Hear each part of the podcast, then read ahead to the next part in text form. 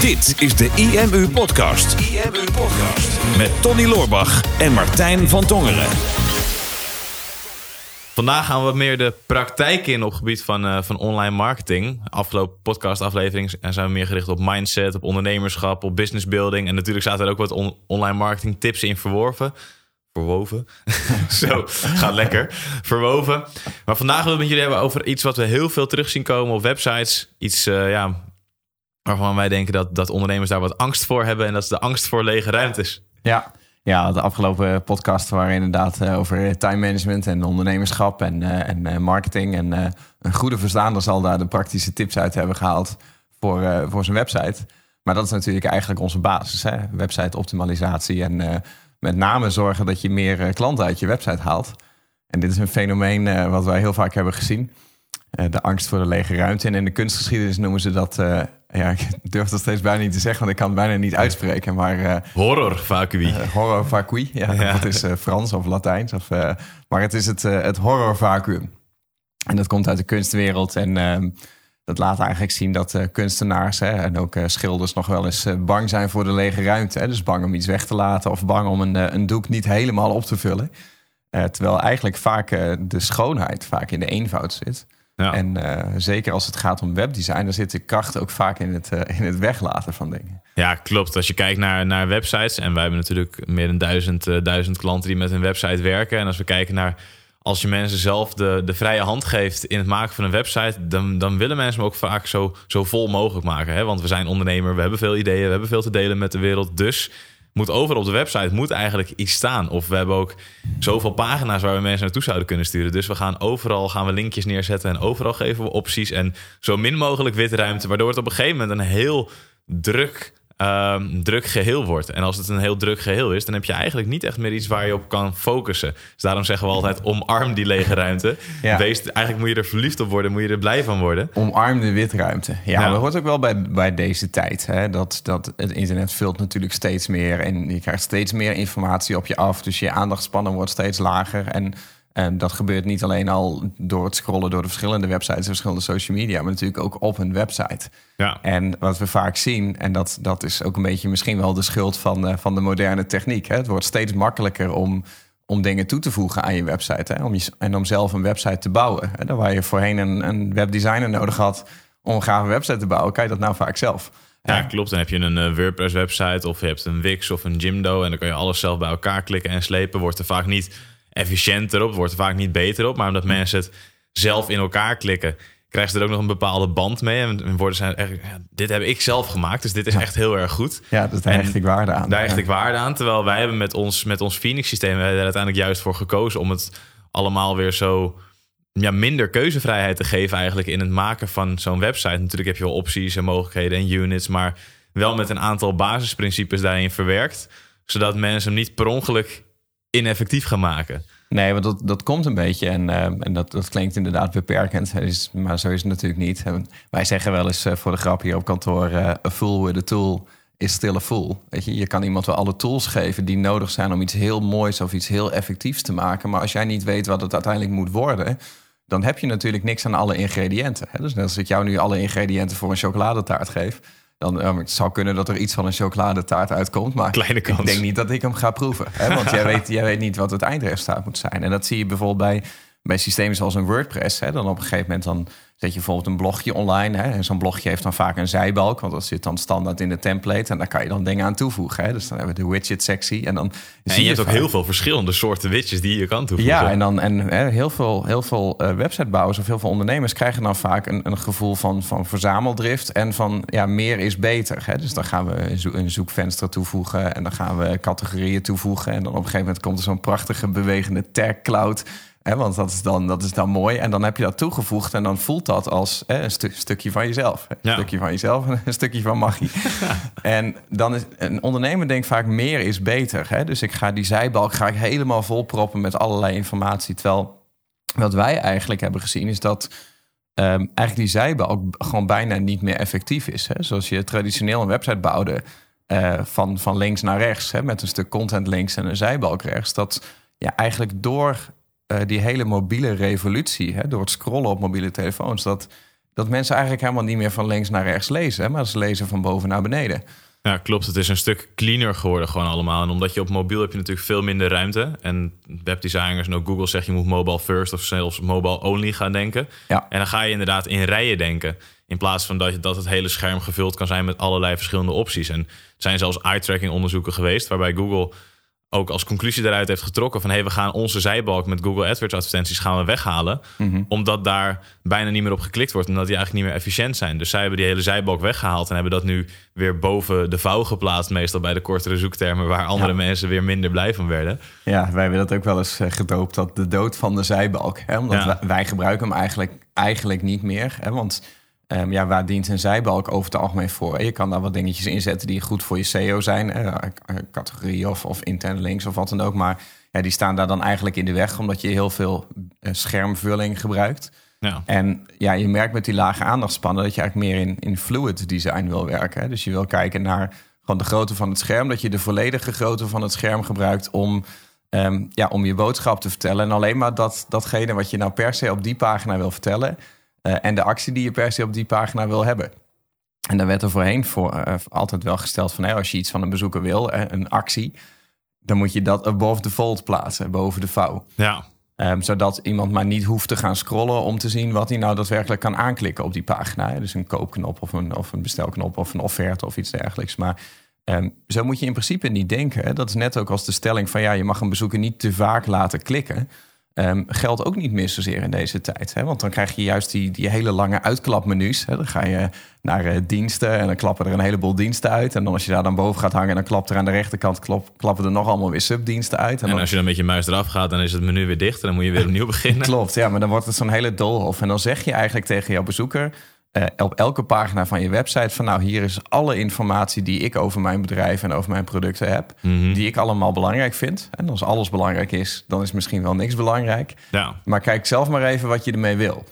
En ehm, je dient een bezoeker daarmee niet met, met die overvloed aan informatie en aan prikkels. Maar je dient een bezoeker door, door eigenlijk een voorselectie gedaan te hebben. Hè? Dus door gewoon te kijken van nou, wat, wat zoekt een bezoeker? Op wat voor soort pagina is die uitgekomen? Op een opt-in pagina of een salespagina of een homepagina.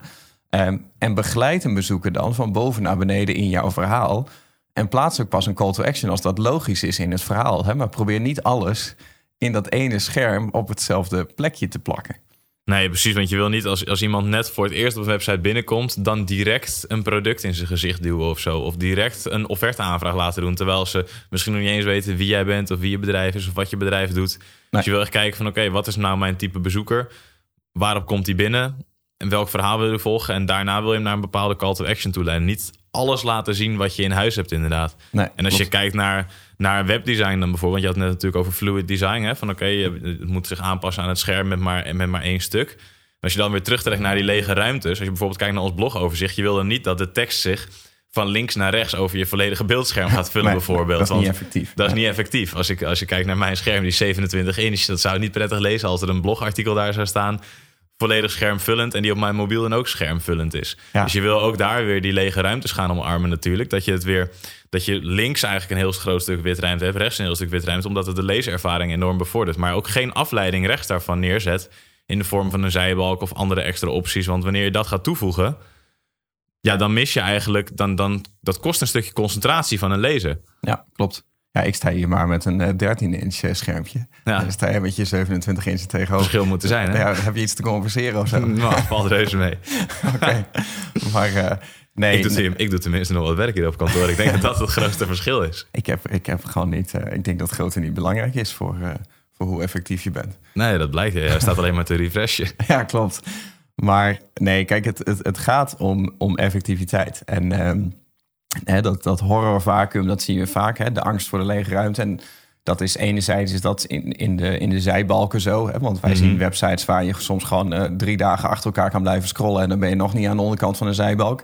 En dan heb je een website en dan staat dan van alles in. En dan na een half uur scrollen kom je nog ineens bij bijvoorbeeld... eh, wat promotielinks voor, eh, voor boeken die op bol.com staan. Hè, van die affiliate links en plugins. En dan zijn die websites daar helemaal mee volgestopt. En dat, en dat komt natuurlijk gewoon vanuit een bepaalde verliesaversie. Ja. Hè, dat, je, dat, dat ondernemers zoiets hebben van... ja, maar ja, ik wil het eigenlijk niet weghalen... want misschien dat er wel ergens een bezoeker is die het wel gezien zou hebben. Of misschien dat er wel een bezoeker iets aan het lezen is. En dan zien ze toevallig een boek wat voorbij komen in mijn zijbalk. En dan klikken ze erop en dan kopen ze dat. En dan krijg ik maar zo een euro commissie.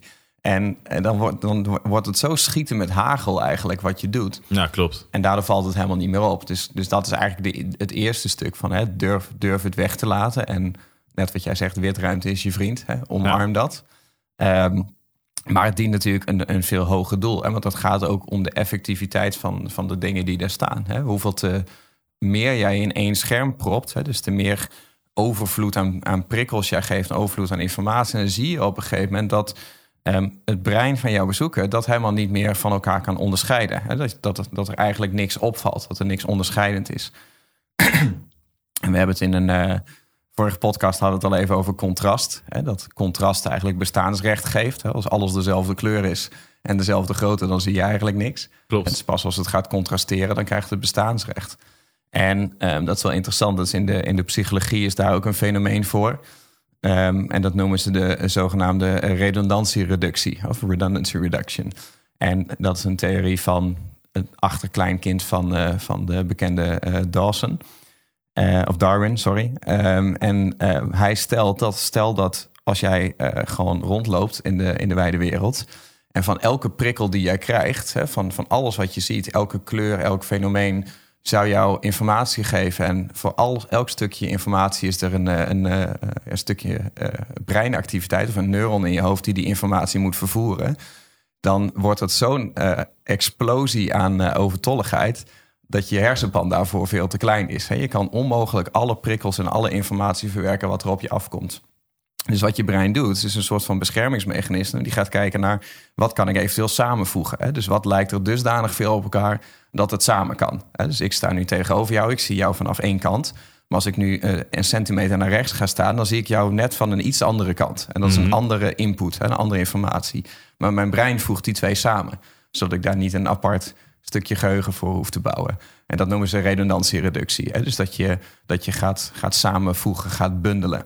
Ja, en dat is op websites is dat natuurlijk ook zo. Wat, je, wat je dan ziet met, met kleuren en met teksten en hoe een volledige website is opgebouwd. En ik spreek dan nog wel vaak ondernemers die dan zeggen: ja, maar hè, ik heb een mooie website laten maken. Of ik heb een hele goede website laten maken. Dus door een professioneel webdesignbureau gebouwd. Mhm. En dat is dan inderdaad een hele mooie website. En die is dan volledig in huisstijl. Hè. Dan is het logo is, is in een bepaalde huisstijl gemaakt. Het menu is in een huisstijl gemaakt. Mhm. De linkjes op die, die op de pagina staan zijn in dezelfde kleur als die in het logo gebruikt worden. Hè? Want dan is het eenheid, dat past bij elkaar. Een mhm. knop die gebruikt wordt, is in diezelfde kleur gemaakt. En daarom, nou, je brein die vat het dus eigenlijk, die, die voegt dat samen, waardoor het minder goed opvalt. Terwijl ondertussen, we zijn al twintig jaar, uh, ruim twintig jaar bezig met het internet.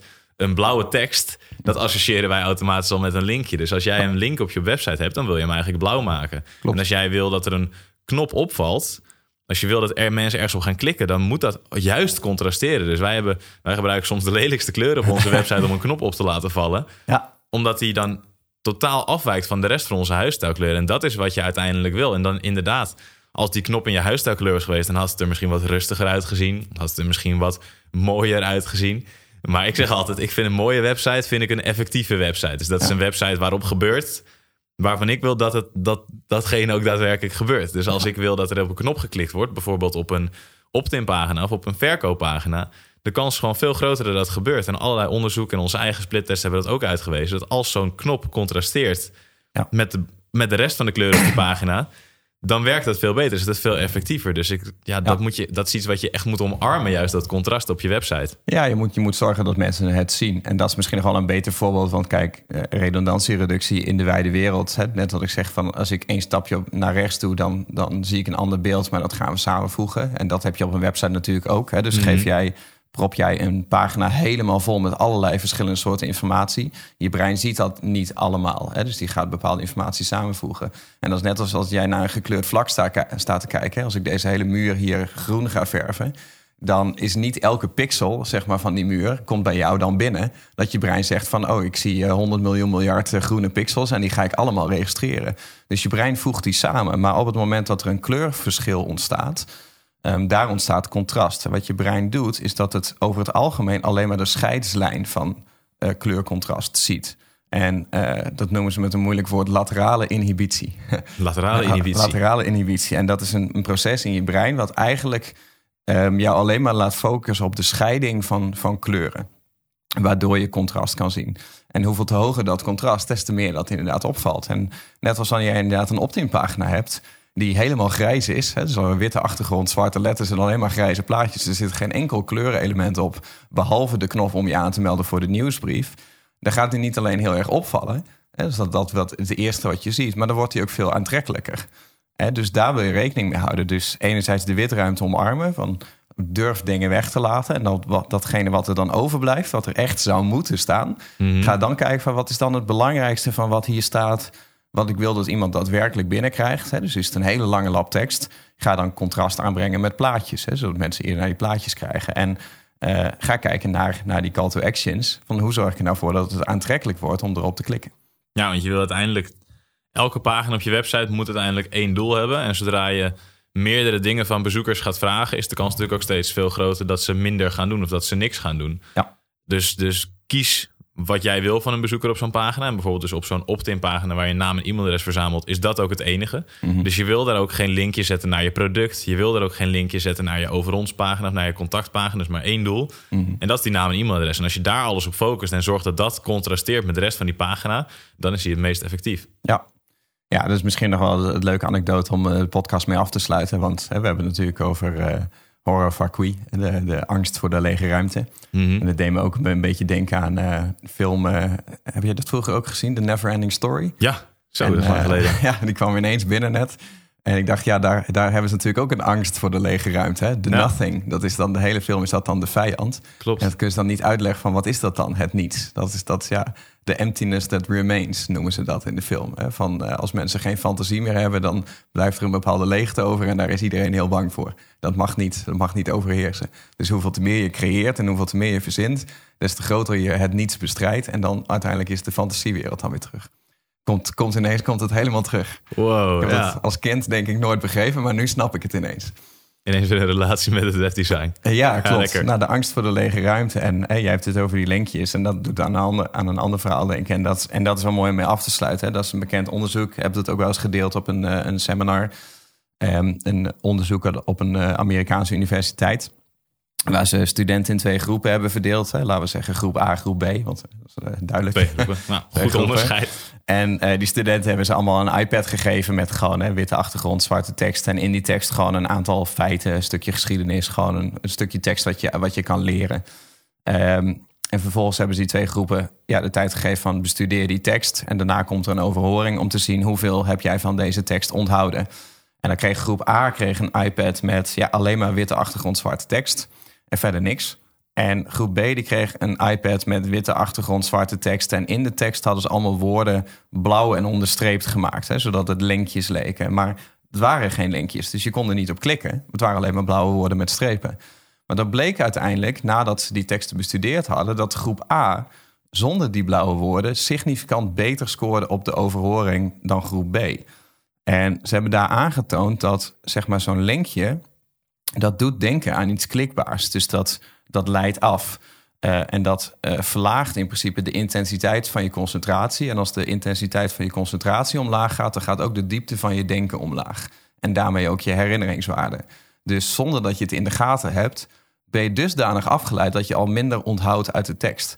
En ja, als je dat hoort, dan durf je eigenlijk niet meer zo heel goed naar je website te kijken. Nee, als je kijkt naar onze blogs, dan denk ik mensen dan denken, ja, ik heb wel eens op jullie IMU-blog gekeken daar staat het vol met, uh, vol met linkjes in de tekst. Waarom doen jullie dat dan? Maar dat, is, dat heeft weer een ander doel natuurlijk. Hè? Wij hebben onze blogomgeving en ons contentkanon. En dat is echt bedoeld om mensen te informeren. En ook om mensen weer door te sturen naar achterliggende artikelen. En ook de SEO-waarden die achter die linkjes zitten gebruiken. Maar ga jij een stap maken naar een van onze verkooppagina's, maak jij een stap naar onze opt-in pagina, naar onze contactpagina, naar onze salespages, dan zal je zien dat daar eigenlijk helemaal geen linkjes op staan. Elk linkje wat wel op zo'n pagina staat, en vaak is dat in de vorm van een knop, die leidt uiteindelijk naar de afrekenpagina. Mhm. Dus je wil ook echt kijken van oké, wat is het doel van mijn pagina? Is dat een blog waar ik puur wil informeren, waar ik SEO-waarde wil creëren? Dan kan je die linkjes natuurlijk wel gebruiken. Maar op de pagina's waar jij een concreet doel hebt, waar je maar één doel hebt, bijvoorbeeld een verkoop of een conversie, dan wil je alle andere links weghalen en alleen nog maar naar het ene doel toe gaan. Ja, ja want wij hebben altijd als stelregel gehanteerd dat een, eh, een verwarde klant koopt niet. Ja. Maar een verwarde bezoeker klikt niet. Oh, Of misschien klikt wel, maar in paniek. Van waar ben ik? Waar moet ik Ja. heen? Maar ja, een verwarde bezoeker... eh, die, die neemt geen actie. Hè? Die neemt geen echte beslissing. En, en die kan je natuurlijk prima laten rondklikken... alle Wikipedia op je, op je blog. Maar gaat het inderdaad om een wat hogere actie... zoals echt geld uitgeven aan jou...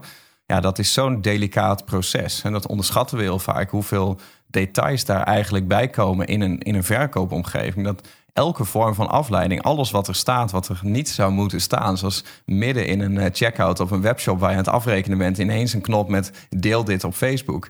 Hè, dat is, dat is zo'n extreme conversiekiller, zo'n afleider.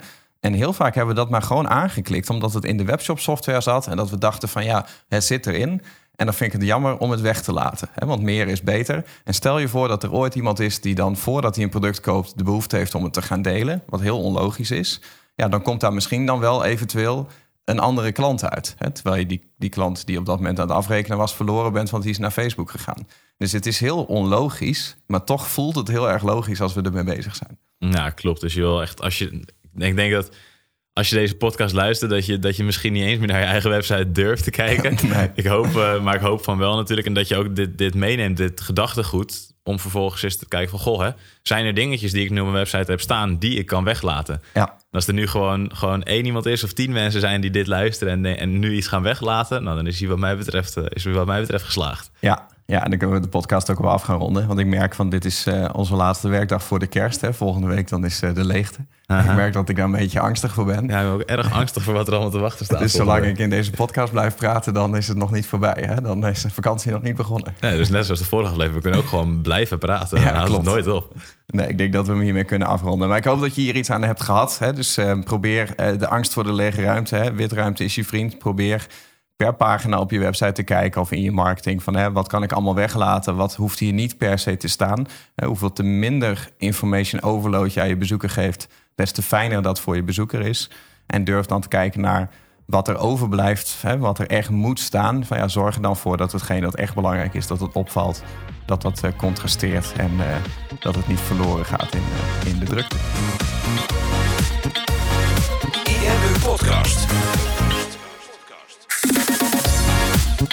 Hey, super tof dat je hebt geluisterd naar deze aflevering van de IMU Podcast. Ik hoop dat je het waardevol vond en ik hoop dat je er inzichten uit hebt kunnen halen voor je online marketingstrategie, voor je business of voor jezelf als ondernemer.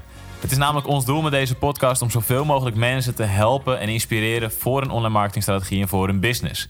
En daarom wil ik je ook vragen of je ons wil helpen om die boodschap te verspreiden. Om andere mensen ook te attenderen op deze podcast. En dat kan je doen door dat bijvoorbeeld te delen in je Instagram story of via je Instagram profiel en dan imu.nl te taggen.